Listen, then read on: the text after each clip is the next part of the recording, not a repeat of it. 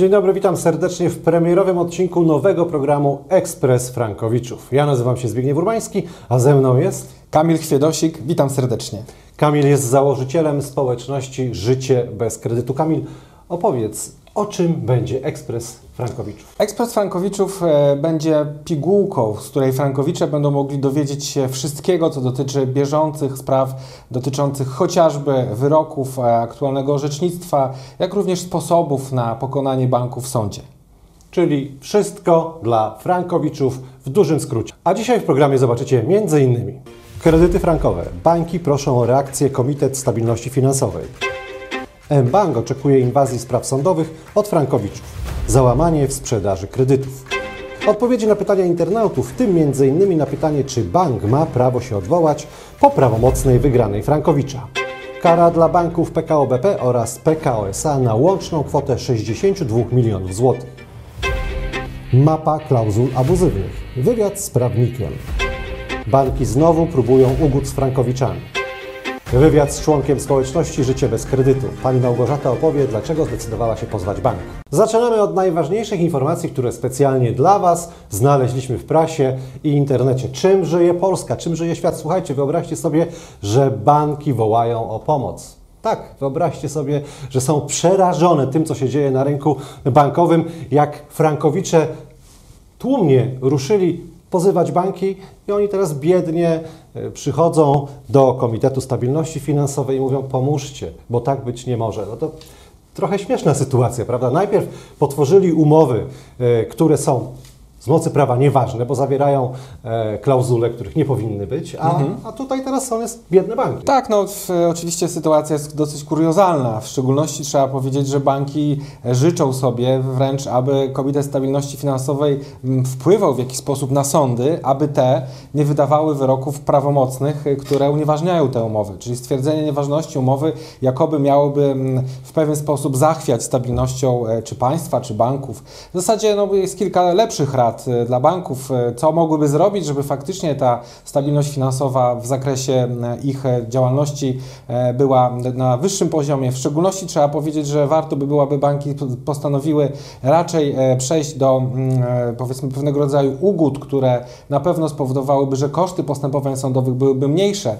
Na chwilę obecną można powiedzieć, że koszt takiego postępowania, biorąc pod uwagę wszystkie banki, czyli przeprowadzenie postępowania przez dwie instancje, wszystkie opłaty, które muszą wnosić banki i później wypłata nienależnego świadczenia, to są e, pieniądze liczone w miliardach złotych. Myślę, że e, połowa tej kwot mogła być oczywiście, e, po, po, powinna pozostać w budżetach banków, jeżeli banki by zdecydowały się na ugody. Oczywiście na chwilę obecną tych ugód nie ma, natomiast z perspektywy roku, być może dwóch, e, prawdopodobnie takie ugody sądowe będą miały miejsce.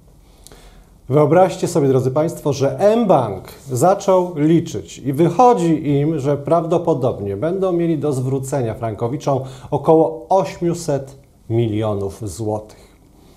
A kredyty się nie sprzedają, a więc nie jest dobrze, przynajmniej jeżeli chodzi o mBank. Jak to skomentujesz? Czy no, mBank nie jest jedynym bankiem, który jest w podobnej sytuacji. No, Przede wszystkim trzeba powiedzieć, że moim zdaniem nawet w przypadku mBanku to są koszty niedoszacowane, dlatego że mowa tutaj tylko o zwrocie nienależnego świadczenia. Trzeba pamiętać, ile kosztuje każdy bank e, postępowanie sądowe, jakie to są, tak jak już mówiłem wcześniej, ogromne koszty e, opłat sądowych, e, odsetek, które się też płaci ustawowych od dnia złożenia pozwu do, do dnia zapłaty. Także moim zdaniem, biorąc pod uwagę obecnie portfel chociażby mBanku i statystycznie e, możliwość wygrania niemal wszystkich spraw z bankiem, no to prawdopodobnie liczyłbym raczej, że będzie to około 4-5 miliardów złotych, a nie 800 milionów, więc te dane są niedoszacowane, a jeżeli przełożymy to na cały sektor bankowy, no wydaje mi się, że spokojnie możemy mówić tutaj o kwotach rzędu 20-30 miliardów złotych jako zwrotu nienależnego świadczenia właśnie z tytułu unieważnienia bądź odfrankowania takich umów. No, ale wydaje mi się, że trochę banki są sobie winne, ponieważ w przypadku prawomocnych wyroków sądu modo też nie kwapią się do tego, żeby zwrócić e, pieniądze zgodnie z wyrokiem sądowym, e, tylko czekają na komornika. No przecież muszą pokryć także koszty komornicze, co Tak. oszczędzają. Tak, no to jest absolutnie prawda. To jest jakby kolejny koszt, y, w zasadzie można powiedzieć e, bez sensu ponoszony przez bank, dlatego że no i tak i tak wyrok prawomocny będzie e, wyegzekwowany. To jest kwestia dwóch tygodni, tak? E, A za takie czynności komornik e, za dwa tygodnie pracy no, otrzymuje pieniądze rzędu kilkunastu, kilkudziesięciu tysięcy złotych, przemnożąc e, również to przez e, liczbę kilkudziesięciu tysięcy spraw. No, jeżeli banki dalej będą się w taki sposób zachowywały, to nie powinny się zgłaszać do Komitetu Stabilności Finansowej, a raczej do lekarza, który w pewien sposób, powiedzmy otwarcie, poprawiłby sposób zachowania względem e, jakby finansów własnych, czy też oczywiście akcjonariuszy. Także tutaj absolutnie uważam, że zachowanie banków jest karygodne. Oczywiście powinno być przynajmniej z perspektywy frankowiczów zupełnie inaczej wyglądać. Ja myślę, że w, perspektywie najbliższych e, miesięcy, być może roku, dwóch, e, na pewno polityka banków się zmieni, chociażby dlatego, że to, co powiedziałeś, no, banki tracą, nie mają akcji kredytowej, wobec tego nie zarabiają, a wobec tego skąd wziąć pieniądze chociażby na złożenie apelacji. Dlatego ta sytuacja jest na pewno dla e, frankowiczów korzystna, to znaczy mogą liczyć na to, że szybciej dojdzie do ugód sądowych. Kolejna informacja jest bardzo dobra dla wszystkich frankowiczów, gorsza dla banków, zwłaszcza dwóch. Prezes UOKiK nałożył na dwa banki bardzo wysoką karę 62 miliony złotych. PKO SA i PKO BP. Zapraszam na krótki materiał filmowy, w którym prezes UOKiK wyjaśni, dlaczego tak wysoka kara i za co. Tomasz Chrustny, prezes Urzędu Ochrony Konkurencji i Konsumentów. Pod koniec września informowaliśmy o wydanych decyzjach dotyczących tzw. spreadów walutowych. W kolejnych dwóch decyzjach uznałem, że zarówno PKO BP, jak i PKO stosują w aneksach do umów postanowienia, które rażąco naruszają zbiorowe interesy konsumentów. W efekcie wprowadzonych postanowień oba banki zapewniły sobie możliwość jednostronnego wpływania na wysokość kursów, a tym samym na wysokość zadłużenia konsumentów. Niedopuszczalne jest przyznanie sobie przez banki tak daleko idącej swobody w ustaleniu kursu walutowego w umowach kredytowych. Wskutek zawartych w aneksach zapisów kredytobiorca nie może sam szacować kursu, po którym bank przeliczy jego ratę. Istnieje zatem możliwość, że banki narzucą konsumentom najkorzystniejsze dla siebie stawki. Zastosowanie klauzul niedozwolonych nałożyłem na PKO BP i PKO kary finansowe w łącznej wysokości prawie 62 milionów złotych. Kamil, ale to nie jedyne banki, które zostały ukarane przez prezesa UOKiK. Tak, e, oczywiście, że tak. No, prezes Łokik robi bardzo dobrą robotę, mówiąc e, kolokwialnie, to znaczy po kolei punktuje bank za bankiem, czy to Santander, Millennium, Paribas, Raiffeisen, Getin, wszystkie banki w zasadzie można by tu wymieniać jednym ciurkiem, zostały już w pewien sposób e, ocenione, a w zasadzie e, te klauzule, które były wprowadzane do umów z frankowiczami, jako klauzule niedozwolone, jako postanowienia abuzywne, w sposób rażący, naruszający interes konsumentów. E, Millennium zresztą e, zaczyna troszeczkę się niepokoić, e, może pod wpływem tej kary, bo otóż okazuje się, że słuchajcie, no banki szykują się do ugód z frankowiczami. Właśnie wśród nich jest Bank Millennium, który rozsyła do swoich frankowiczów propozycje ugody. Badania także ponoć zlecił Raiffeisen, który chce zorientować się wśród swoich frankowiczów, jakie są oczekiwania i jakie nastroje. Dlaczego to robią? Wystraszyli się? Znaczy, to, to jest, e, tak jak mówiłem nieco wcześniej, no to jest jakaś próba do tego, żeby mm, ciąć koszty tych procesów sądowych, które są nieuniknione, e, w sposób nieunikniony na pewno przegrane przez banki. Natomiast no, generalnie propozycje co do meritum już tych propozycji, oczywiście widziałem propozycję Millennium i to na różnym etapie, zarówno na mm, etapie jeszcze przedprocesowym, jak już na etapie procesowym, e, przed ostatnią rozprawą, przed wydaniem wyroku. No, w zasadzie można e, skwitować te wszystkie propozycje ugód jako śmieszne, jako żenujące, biorąc pod uwagę przede wszystkim fakt tego, że nie dotykają one meritum problemów. To znaczy bank proponuje przewalutowanie, jakby po pierwsze nazwijmy to wprost też, nie ma czego, czego przewalutowywać, jeżeli kredyt jest złotówkowy. E, Przewalutowanie po jakimś kursie rzekomo niższym niż dzisiejszy, natomiast wciąż bardzo dużo e, różniącym się od kursu pierwotnego, to jest jakby jedna kwestia. Druga kwestia, że banki wcale e, nie chcą oddawać pieniędzy nienależnie pobranych, czyli też świadczenie te banki chciałyby, żeby zostały w ich kieszeniach, no a co jest w ogóle najciekawsze, to jeszcze do tego proponują, żeby kredyt zmienić na kredyt z WIBORem, czyli z wyższym oprocentowaniem niż LIBOR. Także no, rozwiązania i propozycje banku Millennium w tym konkretnym przypadku są e, no, żenująco śmieszne i powiedziałbym, że w ogóle nie, nie godzi się nawet rozpatrywać takiego rodzaju mm, e, propozycji, tym bardziej, że w sądzie no, oczywistym jest, że e, konkretne rozwiązania, które e, zapadają poprzez e, wyroki, no, są dużo, dużo dalej idące i przede wszystkim uczciwsze niż to, co proponują banki, więc e, jeżeli banki chciałyby w, pewnym, w pewnej powiedzmy kwestii e, jednak faktycznie e, zacząć dialog z frankowiczami, to ja myślę, że te propozycje powinny być po, prostu realne, tak? Bo wtedy tylko jest szansa na to, że jako frankowicze będziemy się w stanie zgodzić z tym, e, z tych ich retoryką, aby faktycznie wcześniej zakończyć te postępowania. Natomiast na chwilę obecną to jest jeszcze długa droga, przede wszystkim z winy banków, bo ich zachowanie jest kuriozalne na ten, na ten moment. Jednym słowem, jeżeli, drodzy Państwo, ktoś z Was otrzymał z banku propozycję ugody, spokojnie, zwróćcie się o pomoc do społeczności Życie bez kredytu. Oni Wam powiedzą, co robić. Na pewno nie godzić się bezmyślnie, tylko zaczerpnąć porady fachowców. Kamil, kto jest naszym pierwszym gościem? Naszym pierwszym gościem będzie adwokat Patryk Szpura. Jest to doświadczony prawnik zajmujący się sprawami e, frankowiczów, od wielu lat prowadzący w ramach zespołu prawa finansowego i ekonomii kwestie związane właśnie z aspektami e, prawa procesowego, no i przede wszystkim dochodzeniem roszczeń z tytułu chociażby nieważności czy też odfrankowania umowy. Temat będzie też bardzo ważny, dlatego że e, w ostatnich tygodniach pojawiła się publikacja Rzecznika Finansowego o tytule Wszystko mówiącym mapa klauzul abuzywnych, gdzie na 33 stronach rzecznik wskazuje, które klauzule jakich banków e, właśnie są klauzulami abuzywnymi i do czego one prowadzą. Także go- gorąco zachęcam do obejrzenia tego materiału. Dzień dobry Państwu. Dzisiaj naszym gościem jest e, adwokat Centrum Prawa Finansowego i Ekonomii, pan Patryk Szpura. Dzień dobry panu, dzień dobry państwu. E, Panie mecenasie, niedawno się ukazał dokument e, Rzecznika Finansowego e, obrazujący mapę klauzul abuzywnych e, w umowach frankowych. Co ten dokument oznacza dla przeciętnego frankowicza?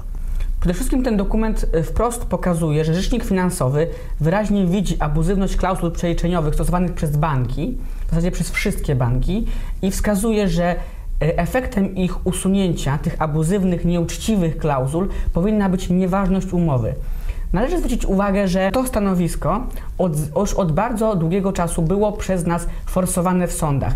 Ponadto orzecznictwo również kieruje się głównie w stronę unieważnienia umów. Odfrankowanie zdarza się coraz rzadziej, coraz częściej sądy stwierdzają, że efektem usunięcia klauzul będzie nieważność umowy, a nie jej odfrankowanie i dalsze istnienie, obowiązywanie i wiązanie stron. Czyli można powiedzieć, panie mecenasie, że jest to taki drogowskaz dla sądów, ja- jakie wyroki mają wydawać. E, Tak, nie jest on jakby wiążący dla każdego sądu, ale jest bardzo ważnym głosem i stanowiskiem. I takie właśnie e, dokumenty, takie właśnie głosy poniekąd, a w zasadzie bezpośrednio kreują orzecznictwo przez y, wiele lat. Jakby aktualnie mamy coraz więcej orzeczeń, dodatkowo widzimy właśnie jeszcze stanowisko wprost rzecznika finansowego, więc nie sposób jest nie zauważyć tego, że te klauzule były nieuczciwe. Czyli jest to kolejny, można powiedzieć, punkt, na który podczas takiej rozprawy są- sądowej y, mm, możecie się powoływać. Tak, jest to wspaniały argument, na który z pewnością będziemy się powoływać w imieniu kredytobiorców. Panie mecenasie, czy w związku z pandemią, w związku z koronawirusem mm, mamy jakieś y, z tego tytułu opóźnienia w pracy sądów? Opóźnień nie mamy, natomiast mamy zmianę w pracy sądów. Paradoksalnie pozytywną. Ze względu na to, że w okresie początku pandemii rozprawy były odwoływane, sędziowie wydawali dużo więcej zobowiązań, dużo więcej postanowień. Ponadto sam, y, sama, sama ustawa y, anty, antykowidowe, tak zwane, y, wprowadzają możliwość wydawania wyroków, postanowień na posiedzeniach niejawnych. Sędziowie również, dbając o swoje bezpieczeństwo oraz y, innych pracowników sądu i stron oraz świadków, coraz częściej decydują się na przesłuchanie y, świadków na piśmie, czyli w zasadzie wysyłać takiemu świadkowi, świadkowi banku przeważnie, spis, listę pytań, które on musi odpisać i odsyła je do sądu. Dzięki temu nie musimy wyznaczać terminu rozprawy, jechać na nią, nie musimy się bać o to, że rozprawa zostanie odwołana ze względu na chorobę albo nieobecność którejś ze stron. Więc y, tak naprawdę w, aktualnie po złożeniu pozwu bardzo często zdarza się, że odbywają się zaledwie jedna albo dwie rozprawy do czasu wydania wyroku. Ostatnio nawet mieliśmy sytuację, kiedy po 11 miesiącach od złożenia pozwu mieliśmy już wyrok unieważniający umowy zasądzający na rzecz kredytobiorców znaczną kwotę pieniędzy. Po 11 miesiącach. 11 miesiącach od dnia złożenia pozwu. I sąd przeprowadził wszystkie, wszelkie dowody, jakie mógł na etapie pierwszej instancji.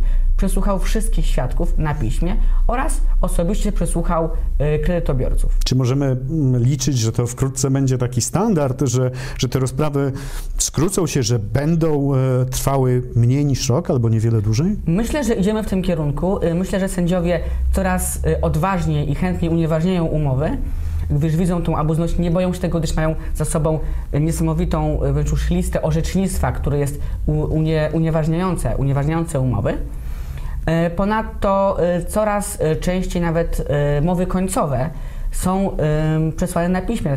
Sąd po prostu, to również ustawa antykowidowa pozwala, mianowicie, y, aby nie, nie ściągać stron na rozprawę i nie, żeby nie dochodziło żadne do kontaktów y, osób, które mogły tak poniekąd przenosić, y, przenosić wirusa.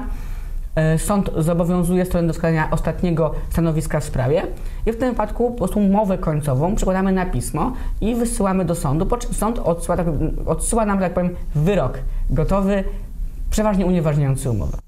Proszę Państwa, jak widać, mamy same pozytywne informacje dla frankowiczów. Rzecznik finansowy mm, pokazał sądom, że powinny unieważnić, unieważniać umowy frankowe. Same sądy e, paradoksalnie pracują szybciej i efektywniej.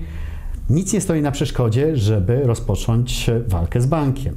Należy też pamiętać, że każdy miesiąc zwłoki to kolejna przedawniona rata. Dziękuję Panie mecenasie za rozmowę. Dziękuję bardzo, dziękuję Państwu. Na początku była radość z otrzymanego kredytu na wymarzone mieszkanie. Z czasem zaczęły się problemy w życiu osobistym, zawodowym, a prawdziwym gwoździem do trumny był kurs franka. Zapraszam Was serdecznie na wywiad z panią Małgorzatą, która opowie, dlaczego zdecydowała się pozwać bank, na jakim jest etapie i jakie ma doświadczenia związane z pozwaniem banku. W 2007 roku zdecydowałam się kupić mały domek pod miastem. Skusiła mnie cena, bo była w cenie praktycznie dwóch pokoi z kuchnią w Warszawie. A więc pełna entuzjazmu ruszyłam do banku szukać kredytu. Każde banki udzielające kredytu w złotówkach stwierdziły, że nie jestem dla nich wiarygodna, albo były, dawali warunki takie, których bym nie była w stanie finansowo spełnić.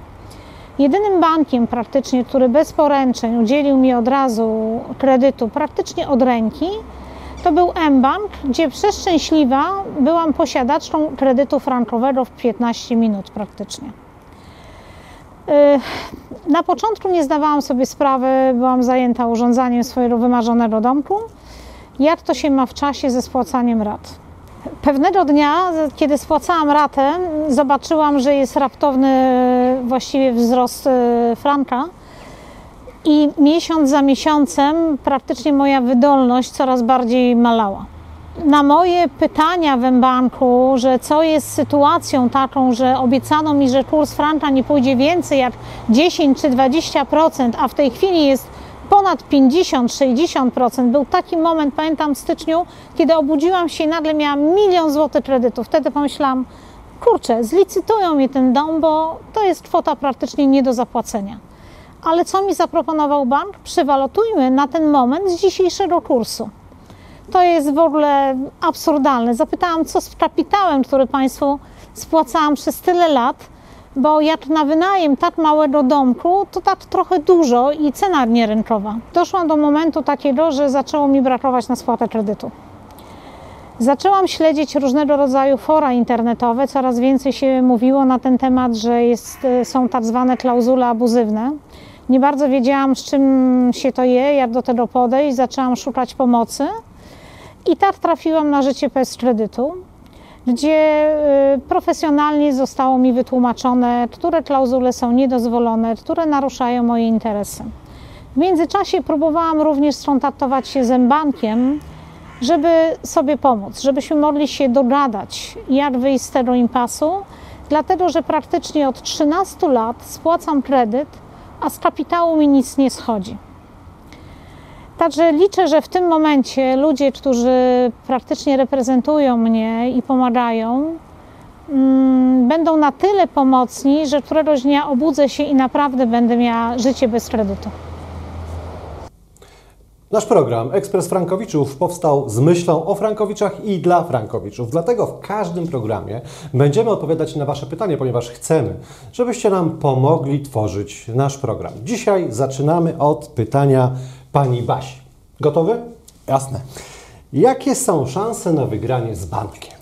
Szanse na wygranie z bankiem obecnie są bardzo duże. Oczywiście w Polsce nie ma prawa precedensu i musimy mieć tego świadomość, natomiast obecne zarówno orzecznictwo, jak i argumenty wytaczane przez stronę Frankowiczów są dużo dalej idące i bardziej uzasadnione, biorąc pod uwagę przede wszystkim e, późniejsze orzeczenia sądów i tu mówię przede wszystkim o sądach już e, apelacyjnych, czyli o sądzie, który ostatecznie wydaje w drugiej instancji wyrok prawomocny.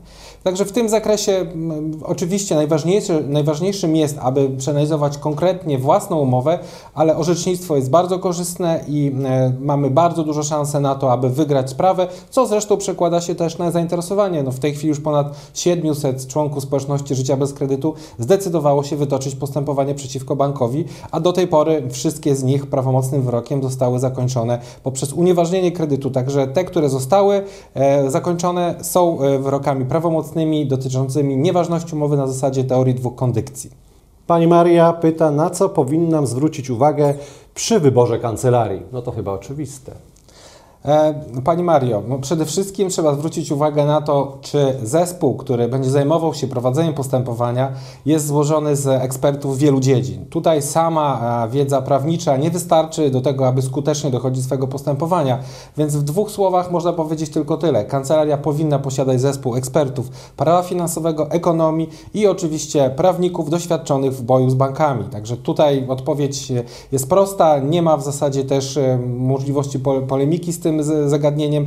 W zasadzie prowadzenie sprawy przez pojedynczego prawnika jest obarczone wielkimi ryzykami, stąd e, absolutnie proponuję, żeby e, wybrać taką kancelarię, która posiada bardzo szerokie doświadczenie oraz e, wybitny, można powiedzieć w tym konkretnie przypadku, zespół zarówno prawników, ekonomistów, jak i osób, które zajmują się logistyką, administracją takiego procesu. Kolejne pytanie od pana Karola, pytanie na czasie. Czym jest zabezpieczenie roszczeń? E, zabezpieczenie roszczeń, chciałoby się powiedzieć, jest czymś, co może wybawić e, Frankowiczów od płacenia rat do czasu prawomocnego wyroku.